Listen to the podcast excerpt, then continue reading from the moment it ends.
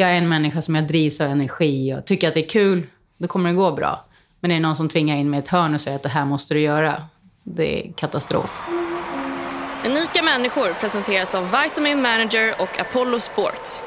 Vitamin Manager skräddarsyr dina dagliga vitaminer. På vitaminmanager.com kan du göra vårt hälsotest för att ta reda på vad du behöver eller välja din dagliga mix själv. Med rabattkoden UNIK får du första månaden utan kostnad och efterföljande för endast 195 kronor. Välkommen!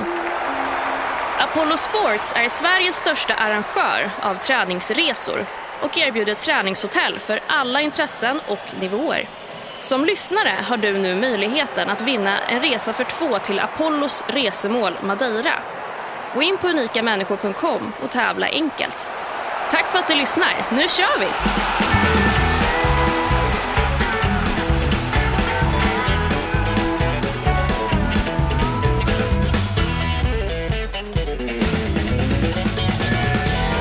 Lisa McRae, tidigare Lisa Blomé. Eh, hur skulle du beskriva dig själv om du, om du presenterar dig idag? Eh, jag skulle beskriva mig som mamma, tvåbarnsmamma. Det första som kommer. Sen eh, löpare, VD. Och om du fick skryta ordentligt, så här härligt amerikanskt, liksom, hur skulle du då beskriva dig? Om du skulle radda lite prestationer och tider och... och... Lite prestationer och tider, ja. Jag skulle definitivt nämna att jag har bott på Hawaii en stor del av mitt liv. Eh, annars så har jag vunnit en hel del SM-medaljer eh, på 5 och 10 000 meter. Kanske har några medaljer på maratonsträckan också. Jag vet att jag har någonting på 1500 meter också. Jag var där nere och sladdade. Vunnit Finnkamp, Tjejmilen, Minaslopp. Ja, spännande. Och vi ska prata med Lisa McRae eh, mer om allt det där. Hon är alltså dagens gäst i den här podden Unika människor.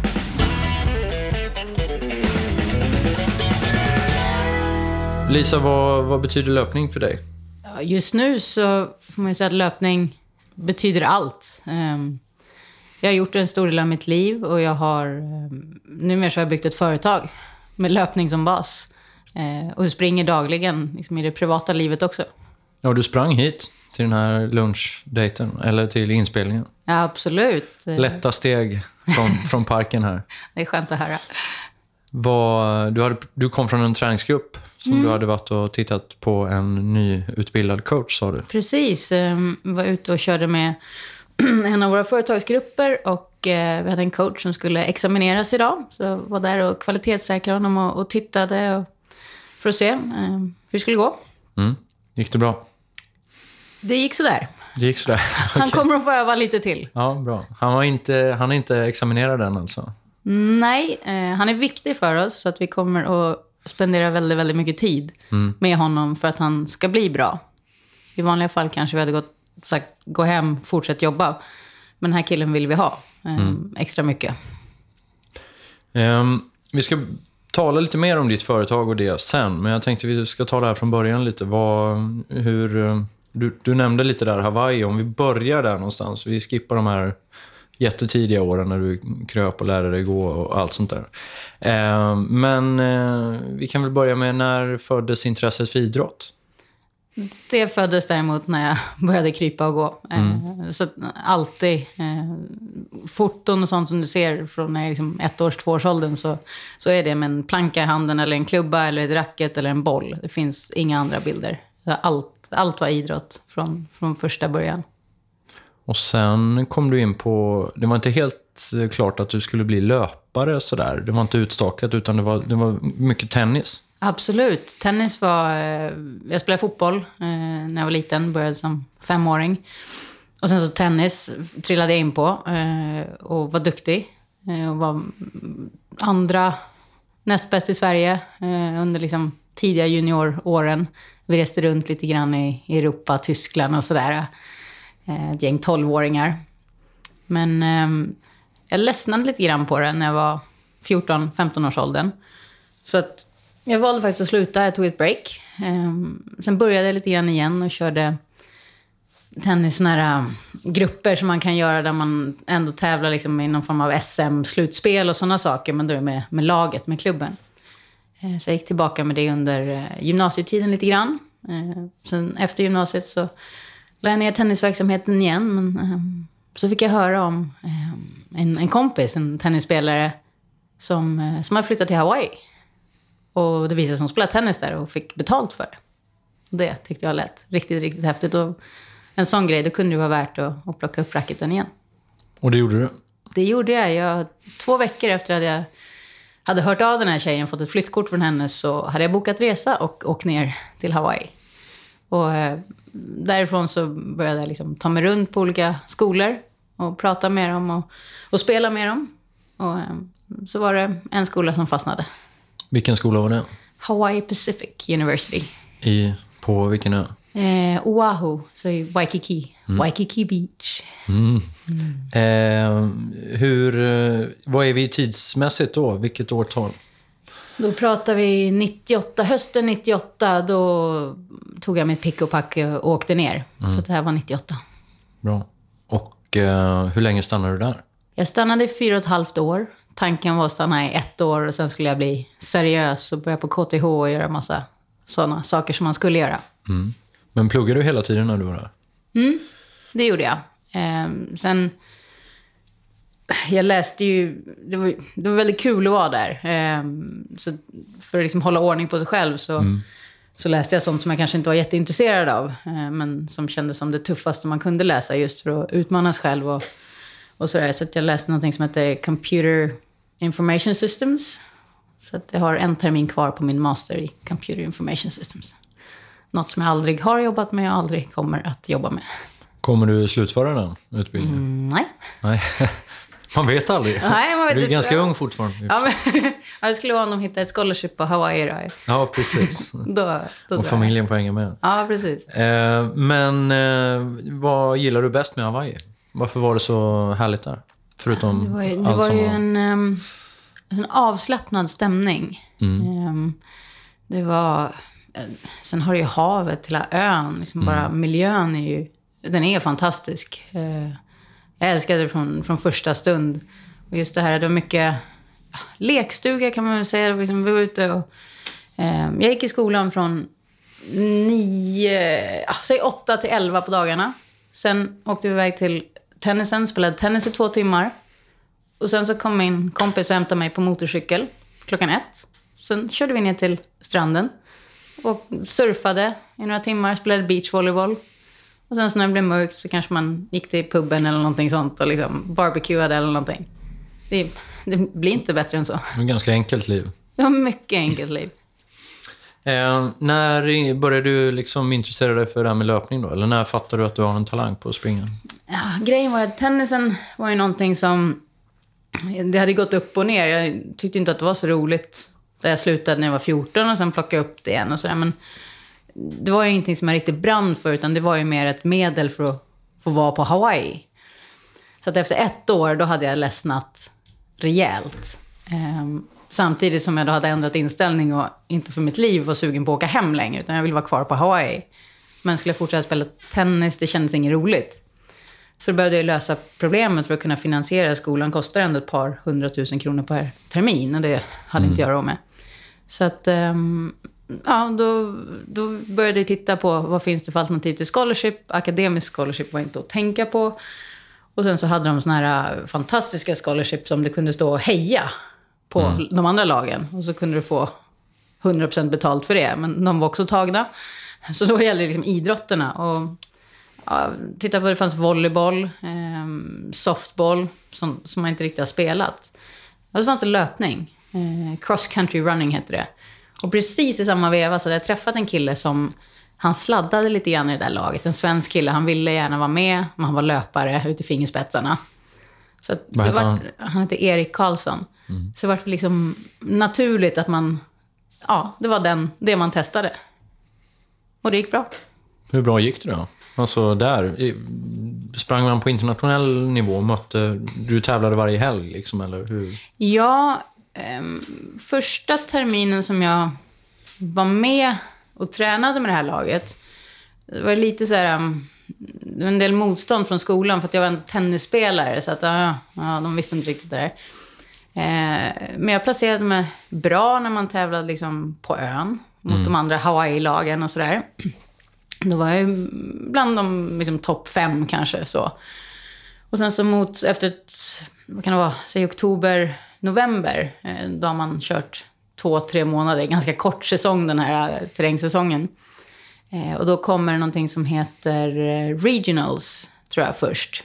Som är ett mästerskap då för regionen, så för oss innebär det Hawaii, Kalifornien och, och regionen där runt.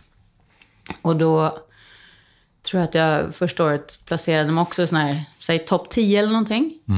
Eh, och då ska du få åka till någonting som heter Nationals, som är de stora mästerskapen för liksom hela USA.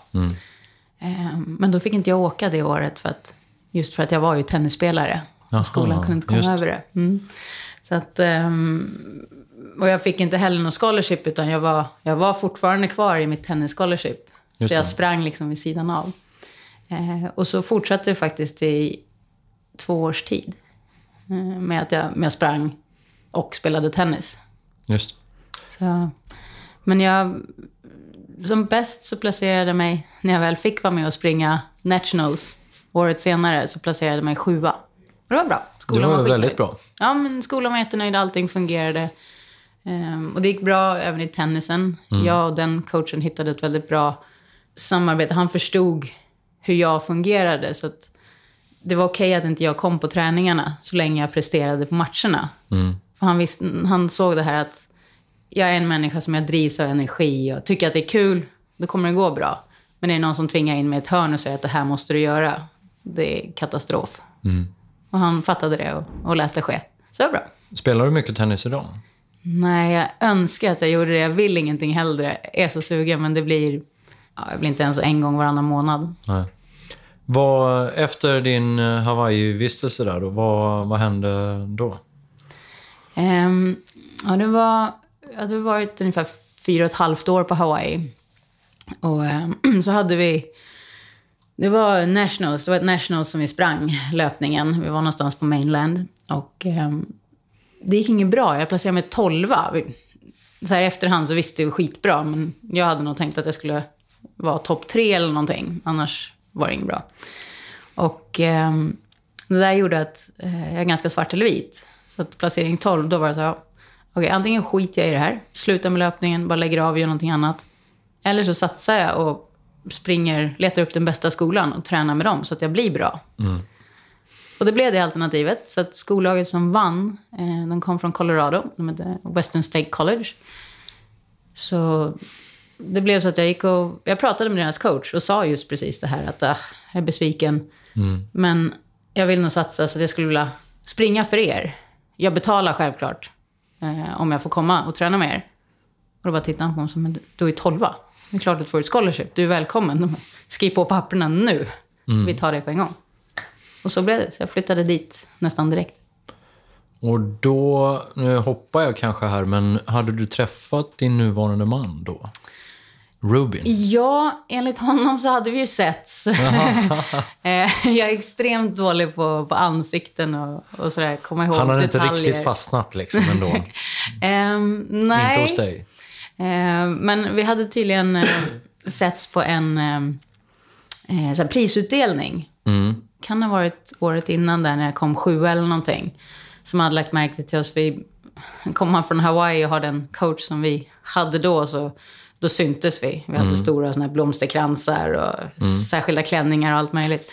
Så han hade sett oss och han hade, jag tror att han, han brukar säga att han kommenterade på att han och jag hade placerat oss på samma plats nummer sju. Just det. Så. Eh, men sen var det nog inte så mycket mer än det. Eh, och så året efter där så, eh, så skulle jag ju börja på, på skolan. Så att det var det lilla som, som jag hade träffat honom. Just det. Och han har en tvillingbror också. Eh, så att jag började faktiskt lära känna tvillingbrorsan Paul lite grann. Innan jag sprang ihop med Ruben. Och där på Western State, hur, hur gick det där? Hur länge blev du kvar där? Jag blev kvar i ungefär ett och ett halvt, två år, någonting sånt. Ehm, Man har ju bara ett visst antal terminer som du faktiskt får utöva din idrott och har scholarship. Eh, I mitt fall så trollade man med knäna och hittade någon termin någonstans som man inte borde ha hittat. Så att jag kunde vara kvar lite längre. Eh, men så jag och Ruben blev färdiga samtidigt. Mm. För han gick på den skolan. Han gick på den skolan, precis. Så att vi Just sprang ju för samma, samma lag. Och där slog det lite gnistor.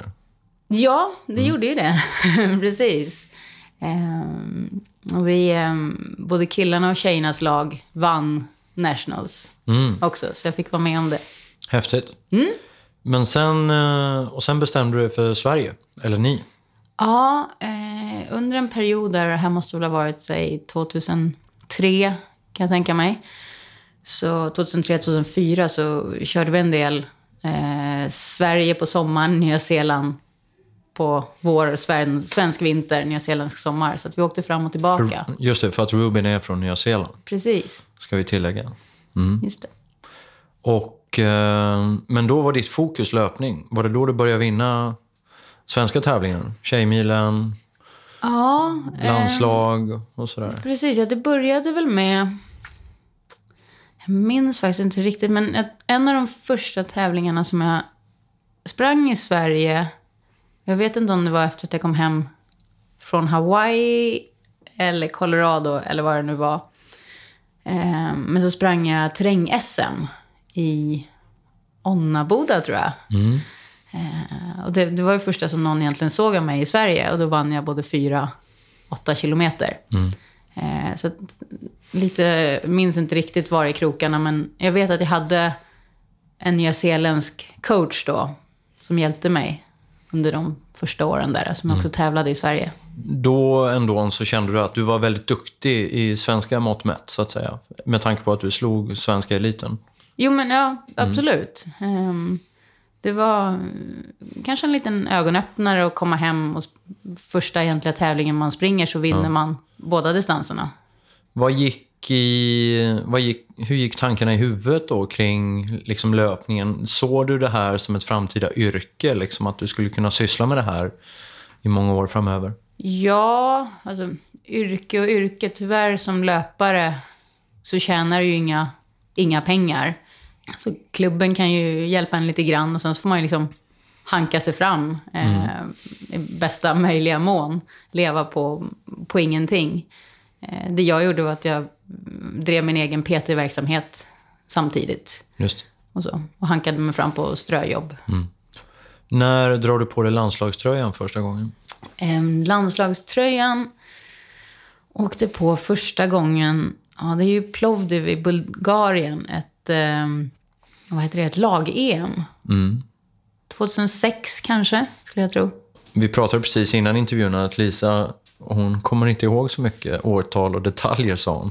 Så att jag sa, "Ja, men det är bara, det är bara försöka spela, spela som att du vet. Men vi säger 2006 i alla fall. Så får någon rätta om, om eh, du har fel. Vad, vad är du mest nöjd med för prestationer i landslagströjan genom åren? För det har ju blivit en hel del. Sprungit många finkamper. Ja, och det, det är faktiskt en, en Finnkamps-prestation som jag är allra, allra mest nöjd med. Det var på ett 5000 meters lopp, jag minns inte vilket år, eh, på Ullevi. Och det var, säg, 28 000 på läktarna. Eh, och så springer vi där och en tjej som heter Ann-Marie Sandell, väldigt duktig finsk löpare, hon var, hon var med i OS, och hon var väldigt känd. Eh, det här kan ha varit min första finkamp till och med. Eh, för mig var hon inte alls känd, jag hade ingen koll på de andra. Ehm, och jag gick in där och de andra svenskarna, de var bättre än mig. Så att jag, jag var liksom tredje svenskan och sådär. Hade ingen press på mig, skulle väl inte göra så mycket nytta annat än att slå min finska liksom.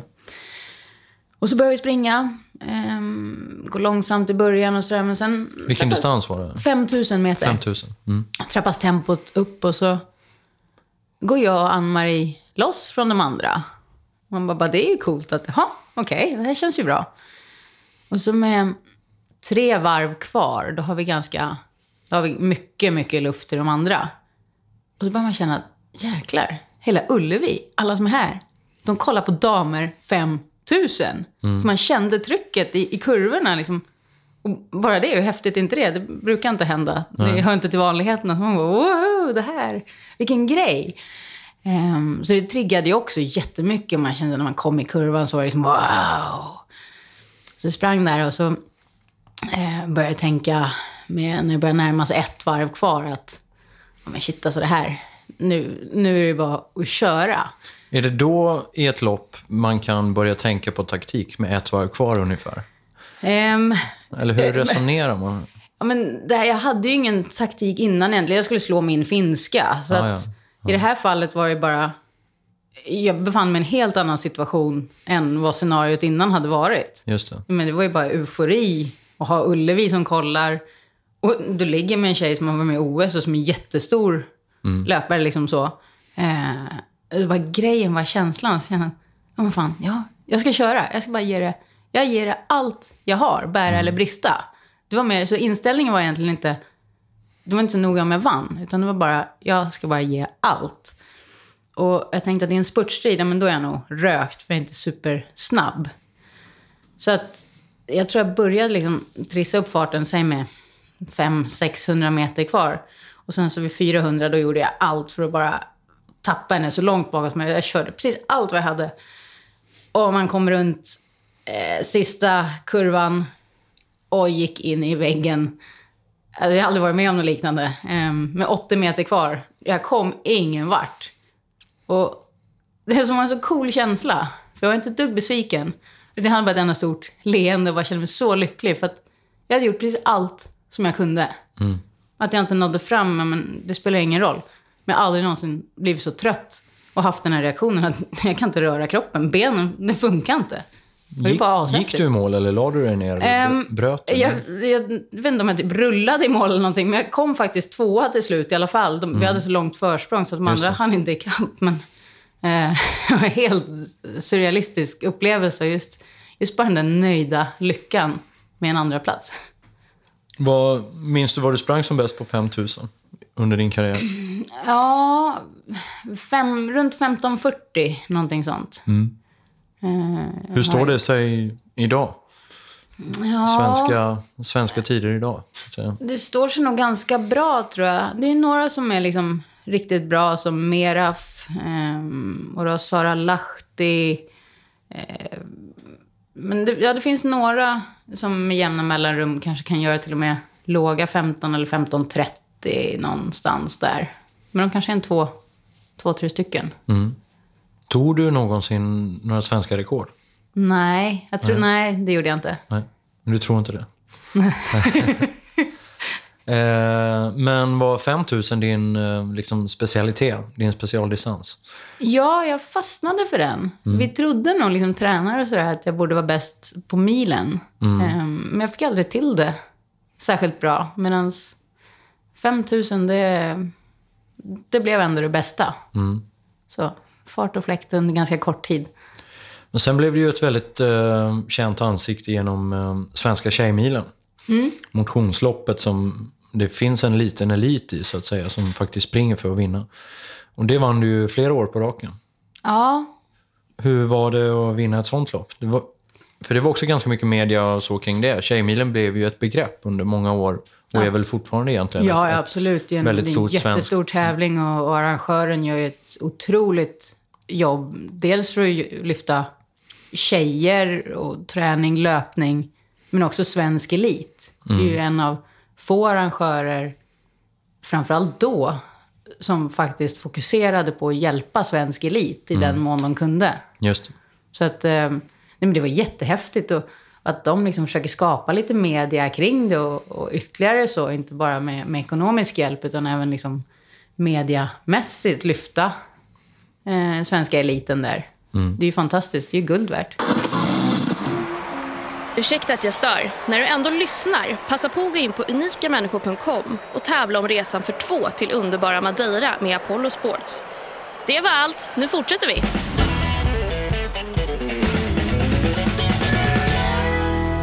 Kan du sakna den där tiden att stå i centrum och vara påpassad och, och uppmärksammad för dina prestationer? Nej, alltså jag är jätteglad för det som har varit och, och sådär. Ehm, tyvärr kan man säga att jag just där och då så var det sällan som jag var nöjd eller njöt av det eller någonting sånt. Jag var aldrig nöjd med ett resultat. Ehm, och sådana saker. Så att jag borde ha uppskattat det mer. Men jag saknar inte idag. Tror du att det är en vanlig känsla för folk som är elitidrottare? Att de inte tar vara på karriären tillräckligt? Eller så här, tar vara på stunden när de väl lever i det? Det, det tror jag är ganska få förunnat att att vara så trygga i sig själva och liksom hinna med det också. Dels kanske man är relativt ung, oerfaren och du vet bara just det som händer där. Och det är väl, för mig var det så att jag jagade ju hela tiden någon, någonting bättre. Jag ville vara... Jag, jag var så otroligt långt framför mig själv i tanken. Eh, Så jag sprang ju bara och jagade saker hela tiden. Jagar du VM och OS? Har du sprungit? Nej, jag har sprungit EM. Ehm, ja, jag hade gärna... Det fanns ju absolut i tankarna att man, man ville vara... Men det var, och det var det som var problemet. Jag ville vara... Jag ville bli bra på riktigt.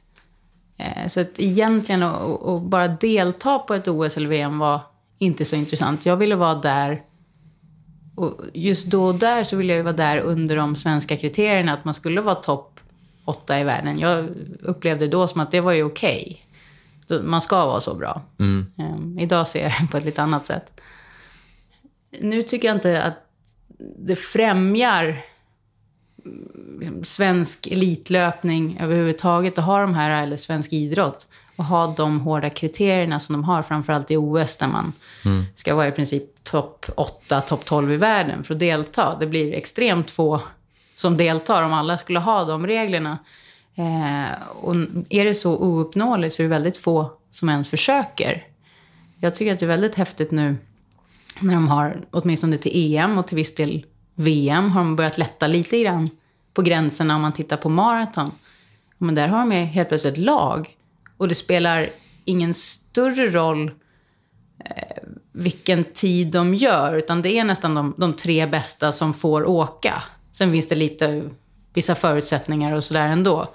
Eh, så att de måste prestera. Men det gör ju att helt plötsligt är det massor, massa tjejer i alla möjliga åldrar och killar som tar chansen för att det, det finns en chans, det, det är uppnåeligt helt plötsligt. Och det bygger ju på sikt, tror jag, en eh, fantastiska prestationer och man kanske till och med kommer till den toppen. Som, där vi har satt en gräns nu. Vad under din elitkarriär som pågick då, vad skulle du säga från 2000 Sen 2006, till... 2010. Det låter kort. Ja, det låter kort. Kanske var... när, när fick du första infallet eh, att du skulle sluta? Första känslan så här, nu lägger jag av. Ehm, det var nog då när jag faktiskt la av, tror jag. Och det, jag har aldrig varit så bra som när jag bestämde mig för att, att sluta. Eh, jag hade varit och, på en fantastisk eh, training camp eh, i Kenya. Jag har bott hemma hos Isabella Andersson och Lars. Eh, och vi hade förlängt den till och med, så jag tror att jag var nästan där i två månader. Och jag följde med Isabella i hennes upplägg. I början så, eh, så gjorde jag det jag kunde, men ganska snabbt så utvecklades jag, blev bättre och bättre. Eh, jag kunde följa med på allt. Ehm, och vi körde tillsammans och det var liksom... Allt var bara fantastiskt runt omkring och enkelt. Så. Um, och då, då var det ju sån här, utvecklades grymt mycket. Kommer hem, uh, jättenöjd. Uh, och jag hade heller inga, under den här tiden som jag var i Kenya, så hade jag inga skadebekymmer, utan allt som jag hade haft problem med, det, det var liksom, det bara försvann vartefter. Jag tyckte jag också var intressant, för jag ökade ju träningsmängden säkert till det dubbla. Ehm, men sättet att leva och sen så att man kunde ta massage utan att det egentligen kostade någonting. Ja, mycket sådana här saker. Eh, och att man inte hade någonting annat att fokusera på heller. Utan det var verkligen bara att träna och sen så sov man resten och så åt man. Ehm, det gjorde att det, det gav fantastiska resultat. Så när jag kom hem och så minns jag att jag körde ett, ett träningspass på Bosön. Aldrig någonsin kört så bra. Jag hade kunnat jag vet att min man var med om det. Det här är ju löjligt. Liksom. Vi körde 400 körde 18 stycken med 45 sekunders vila eh, och snittade på 69 sekunder. Och jag hade kunnat fortsätta i all oändlighet om, om vi inte tyckte att nu, nu får det räcka. Och då kände jag, ja, ja men nu, det här tyder ju på att så som jag lever i Kenya, det är så som jag borde leva om jag ens ska vara i närheten av att bli så bra som jag faktiskt går och drömmer och tänker att jag vill bli. Och då är ju frågan, det kanske också tar... Det är en liten, liten chans att jag kommer dit jag vill.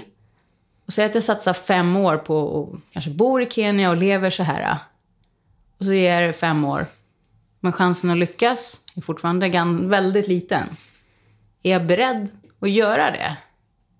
Eller intresset för företagande och liksom driva mitt eget, för det har ju börjat växa under tiden. Är det, är det kanske det jag ska göra istället? Och då känner jag att nej, det, det är företagandet jag ska göra. Där, där har jag en större chans att göra någonting bra och bli bra. Mm. Så då, det var ganska enkelt beslut där en marskväll på Bosön 2010. Och efter det så var det bara, ja, okej. Lägger Ingen ner. sorg, ingen ångest, inga... Nej, inte ett dugg. Och det är ju... jag är så van... Ofta när man träffar när man var ute och tränade och sådär så eh, sprang man mycket med kenyanerna, var man än var. Och de, de var alltså fascinerade. Eh, för de, de förstod ganska snabbt att okej, du är en relativt dålig löpare. Ehm, och du har ett jobb hemma där du tjänar pengar. Så de var, och de är väldigt uppriktiga. Så de var ju som, men, men var, varför, varför gör du det här? Varför springer du för? De menade ju på riktigt att jag måste ju vara dum i huvudet som pysslade med det jag gjorde. Eh, och jag vet inte, det fastnade väl hos mig någonstans att ja, jag kanske ska göra något som jag faktiskt är bra på. Lite så. Så det var en blandad, liksom, det var lite verklighet också i det där. Att du kände att det... Jag menar den, om man nu säger så, lilla eller mikroskopiska chansen att du skulle ta dig hela vägen. Den, eh, du trodde inte riktigt på, på det. Nej. Ehm, nej, precis. Det, Det var väldigt ärligt att kunna inse det. Många kör ju in i kaklet där och, och kanske hittar sig själv i en situation där de blir skadade och är tvungna att sluta på grund av det. Mm, nej, precis. Nej, men jag, jag ville nog lyckas med någonting på riktigt. Och till slut kanske man också... Det, jag menar, det är säkert många faktorer som spelar in, men man kanske också blir trött till slut på att aldrig vara riktigt nöjd med någonting man gör. Hur mycket tränar du som mest då? Hur många, om vi bara håller oss till mil till att börja med, i, på en Mil, vecka? ja, men som mest då var jag tillsammans med Isabella. Ehm, och om hon nu låg på 18 till 20 mil så säger jag att jag hamnar någonstans på 15 till 18 under den tiden. Eh, när jag tränade själv hemma, ja 12, 12 mil i veckan var nog. 12 till max 14 skulle jag tro. Så jag var väl en relativt lat långdistanslöpare. Men det du kan och vet idag, skulle du, skulle du träna på något sätt eller göra din, en satsning annorlunda? Ja, det skulle jag göra. Jag, jag har ju sagt det nu att jag vill ju... Jag vill springa milen på 32. Ehm, det vill jag göra nu. Det var någonting som jag alltid ville när jag var aktiv, som jag inte lyckades med. Eh, Jag sprang på låga 33. Ehm, och jag tror att det är fullt möjligt. Jag är 38 nu, så med den erfarenhet man har idag eh, och en annan syn på löpningen så tror jag att det är högst möjligt om fem års tid eller någonting. Mm. 43. Ehm, och då, då kommer jag träna annorlunda. Jag tror att jag kommer köra mer, mer mängd, alltså mer, mer faktiskt göra grovjobbet. Och inte fokusera så mycket på fart, fart och fläkt som jag egentligen tycker är jättekul, men, men som sliter mycket på kroppen och, och kanske lite grann är toppen av, av isberget, det här liksom grädden på moset. Att man istället gör liksom det stora grundjobbet. Jag tror att det ger mer. Du är inte jätteung i gamet eh, längre, 38 år. Och det finns en annan löpare som jag tänker på, Evi Palm, som Mm. gjorde en, en eh, sen karriär. Hon var 34 när hon började. Ja, när hon började, ja. Och sen var det bara bättre och bättre Hon var under... som bäst när hon var 47 till 49 år. Ja, Och vad sprang hon på då? Vet du det? Ja, absolut. Ehm, Hon sprang milen på 32 till att börja med. Ehm, och hon gjorde maran på, jag skulle vilja säga 2.31, 2.33 någonting. Eh, och halvmara på 1.11 eller 1.12. Och med det så höll hon ju väldigt hög nivå i Sverige. Hon var väl bäst i Sverige under Absolut. väldigt Jag många år. menar, med de tiderna är hon ju fortfarande bland de bästa. Eh, absolut. Och Har hon liksom varit, har du haft henne i tankarna när du har tänkt så här? Att, ja, jag älskar Evi Palm. Ja. Evi och Isabella är mina absolut största förebilder och idoler. Det finns eh, hopp om att se dig ute krossa Tjejmilen-eliten i framtiden alltså. Ja, sen grejen är väl egentligen att jag dras inte så mycket, alltså jag lockas inte av tävlingarna och det. Nej. Jag tror att, vet jag själv att jag drar milen på 32 och ingen annan någonsin ser det eller, det, det gör inte mig så mycket. Men det, är väl lite svårt, om du nu ska springa milen på t- 32, så kan du inte göra det själv riktigt. Nej, jag vet, Du måste jag måste ju tävla, tävling. precis, men det är väl just det här att det triggar mig inte längre vad andra Nej, ser nej. och tänker, eller tävlingar och sånt. Det är inte så, det är inte så intressant, utan det är mer bara grejen av Men om du skulle liksom om fem år försöka slå det där rekordet, vilken tävling skulle du välja då? Har du spanat in någon så här tävling du skulle springa milen på 32? Ja, jag älskar ju såna här, alltså, gatlopp är ju, om man säger, ja men till exempel Tjejmilen. Eh, absolut, det vore ju skithäftigt, vilken grej. Ja. Eh, det finns många såna här fina gatlopp i, eh, i England också. Därifrån har jag ju eh, min bästa gatloppstid i Sheffield, tror jag det var. Så de har många såna här buppalopp, hette det då i alla fall. Ja. Ehm, men det finns ju massa riktigt, riktigt häftiga tävlingar. Jag vet Stockholm 10 nu. Eh, den nya tävlingen som startar i Kungsträdgården, den går i juni. Okej. Ehm, för den körde de förra året under ett annat namn. Det var ett tjejlopp då. Den var riktigt häftig. Ehm, och det är också en sån, ja, tänk om man kunde göra det då. Det vore ballt. Mm.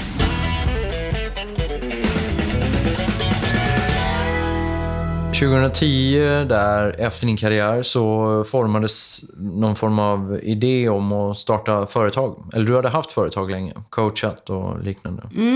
Precis. Jag, eh, dels hade jag kört min egen lilla firma, eh, lite PT-löpningar och sånt. Och, eh, sen så träffade jag ju Malin Evelöv eh, under en tid. Hon var inne och sladdade lite grann i landslaget också, så jag gjorde en liten comeback.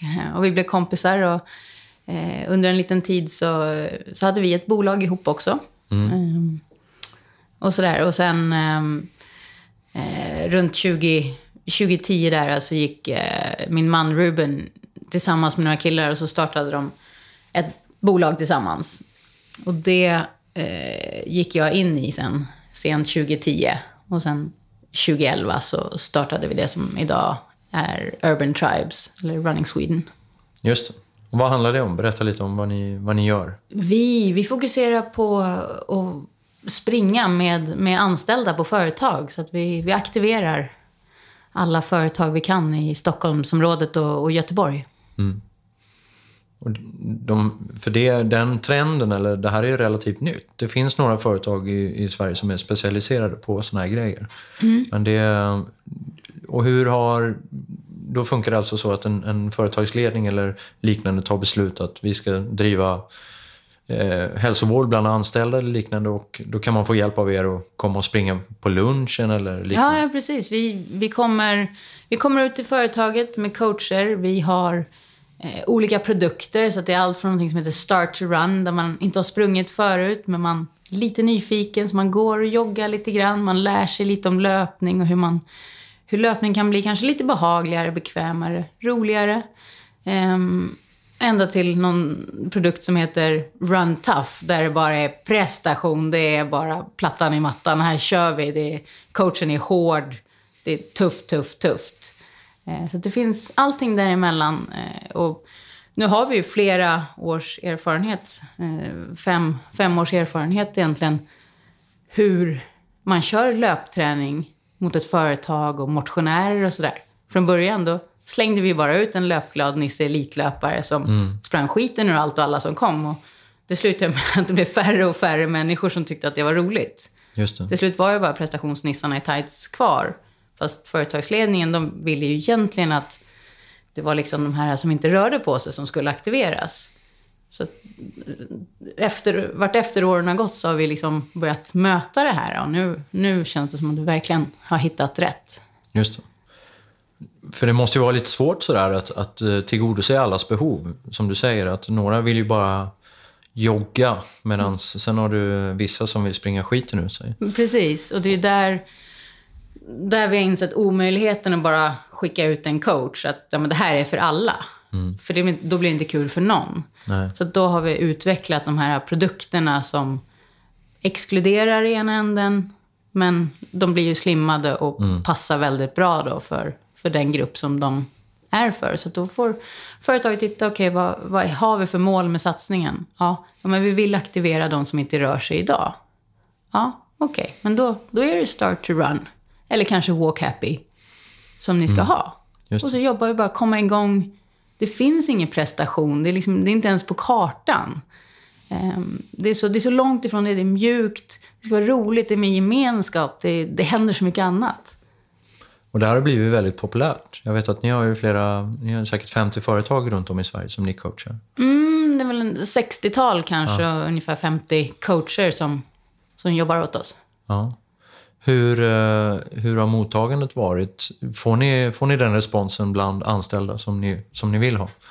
Ja, eh, på det stora hela när vi gör ett bra jobb. Eh, så absolut. Mm. Och det vi, det vi har som mål, det är ju, och där vi ser att vi gör ett bra jobb, det är ju när, för, när grupperna växer. Mm. När antalet deltagare ja, det. Så att det, det kommer fler, fler och fler. fler. Ja, men precis. Och, och de som har varit med, de kommer tillbaka. Då vet vi att yes, vi har lyckats. det... det är en bra måttstock för er då? Ja, då, men, då vet ni liksom, det är absolut, det enklaste. det är det absolut ja. viktigaste ja. för oss. Och uh, Mäter ni något hälsotal i det här på något sätt? Eller gör ledningen det som anlitat er? Att, att man på sikt kan se då? För optimalt är väl att få ner sjukhälsotalen eller ja, bort frånvarotalen? Precis, precis. Det här löpgrupperna, det blir en en liten del i företags friskvårdssatsning. Mm. Så att de har ju den stora, stora bilden av hur det ser ut. Mm. Eh, och, och jag tror att löpningen, absolut, det är en bidragande faktor till att eh, antalet sjukdagar och sånt eh, går ner. Men, men det är ju väldigt mycket med, med den psykiska hälsan och stress. Och det är så många bitar till mm. som ska in i det. Så vi, vi bidrar med statistik på hur många som kommer till passen och sånt. Men, men i övrigt så, så kan vi inte... Nej. Sen måste de sätta det i den, den stora kontexten, så att mm, säga. Precis. Varför tror du då att löpning har blivit så um, poppis? Jag menar, den här produkten fanns inte ens på marknaden för sex sju år sedan. Nej. Eh, varför har det blivit så populärt att, att ta in coacher som ska springa med de anställda? Jag tror att... Men dels grund och botten så har det väl att göra med att löpning, att det är, att det är enkelt. Eh, just det, det är tidseffektivt och det kräver faktiskt inga egentliga produkter eller någonting sånt. Eh, och har man barn, fantastiskt, du vill spara tid på alla möjliga håll. Mm. Och lite äldre barn, de kan ju till och, med, till och med vara med, så det är en inkluderande eh, sport också på det sättet. Och då blir det också lätt för företagen och köpa in det här. För att, men, om vi, vi kommer ju ut dit, så de anställda behöver bara gå utanför entrén på mm. företaget. I Stockholm, det är fantastiskt, att ha grönområden överallt. Så var du än sitter så kommer du lätt ut och luftar dig lite grann och kan faktiskt träna. Och, och det är park, skogsmiljö. Ja. Eh, och, och, bara en sån sak för att få ut anställda när det är ljust. Så att man, man får del av allt det här och får den friska luften. Och så bara den effekten är ju enorm. Och sen att du då lägger på en, en träningseffekt, kondition och, och styrka, det gör ju saken bara ännu bättre. Men jag tror att det, enkelheten gör det väldigt attraktivt. Kan du eh, njuta lika mycket eller kanske mer av att se andra människor växa och uppleva träning och hälsa på liksom, på ett positivt sätt än, än liksom, när du själv var elitaktiv. Och så här. För jag har pratat med några som upplever att coachingen, att vara coach, ibland är större än liksom, att själv vara elit. Det är mycket, mycket större. Det är, ju, Ja, men det är på riktigt. Det, här, det är ju häftigt. Ehm, jag vet inte om det, om det är också för att man är mamma nu så att ens fokus på en själv är noll. Det är helt ointressant. Det har man släppt sen barnen kom. Eh, och just det här att att se eh, känslan efter ett pass eller under ett pass när någon deltagare lyckas med någonting eller bara känner wow, nu gick jag över min egen tröskel, jag vågade, jag tyckte det var kul eller vad som helst. Bara se det här glittret i ögonen. Eh, Man går ju, man går ju hem på små moln. Du är lycklig en hel dag efteråt. Så det är det som triggar lite att... Absolut. Så Det, det står ju inte bara för mig, utan det märker man ju i vårt företag. Eh, Vi har ju folk som är inne och försöker hjälpa oss med det ena och det andra. Och det alla säger, men gud, er passion, det där med coaching, människor, ni, ni älskar det på riktigt. Och det är så häftigt att, att se så att alla, alla brinner verkligen för, för att lyfta andra. Och sen är vi på olika nivåer, så att några gillar det här med elitlöparna och hjälpa dem. Och andra gillar kom igång, start to run. Vi ska ta, börja runda av lite. Jag skulle, det är några saker som vi inte har pratat så mycket om. Eh, följer du elitlöpningen idag? Nej, väldigt lite. Jag, eh, jag följer Isabella, Isabella Andersson och vad som eh, händer. Eh, Mm. Vad tycker du om henne? Ja, jag älskar henne. Hon, är, hon är fantastisk. Hur- Har hon det där lilla som krävs för att nå toppen? Ja. Som du eh, sökte? Ja, ja det, Isabella har det alla gånger. Eh, sen är det ju så här, men kommer en liten skada i vägen eller det händer någonting inom familjen eller vad det än är. Mm, då, då blir det ju tufft. Men Isabella har... Går, går saker och ting hennes väg, då är hon ostoppbar. Vad tänker du om, om svensk elitlöpning på, på de sidan idag? Alltså om- man ser vad som presteras. Det- Hon är ganska ensam där framme, Isabella. Ja, eller ja, hon har ju Sara Lahti har ju kommit nu. Eh, och sen så har du även Charlotte Fogberg som förra året hade det väldigt tufft, men året innan det gick ju som en raket. Det är helt galet. Men, och sen så har du ju Meraf Bata också som är grym. Och det är jätteintressant. Göteborg, där har de ju byggt en väldigt bra träningsgrupp. Och det kommer väldigt, väldigt många därifrån. Så de har hittat ett intressant koncept eh, där man jobbar tillsammans. Eh, vad tänker du om det här som har skakat friidrotts-Sverige på sista tiden då? Abeba Argavi. Med dopinghärvan och allt. Det är ju det är jättetråkigt. Ehm, Jag tror, jag tror inte att det är en människa som har onda avsikter överhuvudtaget. Ehm, Man får saker, man litar på människor och det är folk som utnyttjar den. Det är tufft. Ehm, Och sen, många av dem, det här är, liksom, det här är deras levebröd. Här kan man hjälpa en hel by, familj, vad det nu är. Ehm, I Sverige så, så har vi det ganska bra och vi springer på lite andra... Vi springer för att det är roligt mer eller mindre. Vi klarar oss bra ändå. Jag tycker det är jättetråkigt med, med doping och allt det här. Eh, samtidigt så förstår jag att det händer på sina håll också. Och jag har väldigt svårt att, att döma atleter för, för sådana saker. Det är nog snarare att man ska titta på coacher, ledning, de som är runt. Just det. Det är nog de som är syndabockarna i sådana här fall. Lisa McRae, det var väldigt trevligt att eh, prata med dig. Och eh, är det något du vill tillägga förresten i den här lilla intervjun? Nej, jag tycker bara det var väldigt trevligt att, att få prata lite grann med Ja. dig. Vad härligt. Eh, och ni som lyssnar kan ju givetvis eh, lyssna på flera av de här eh, podcasterna här på både iTunes, Acast och Soundcloud. Tack Lisa McRae för att du kom. Tack själv.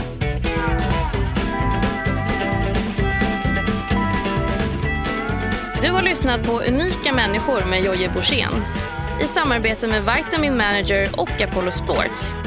Tack till producenten Jonas Sjöberg och produktionsbolaget A1 Produktion.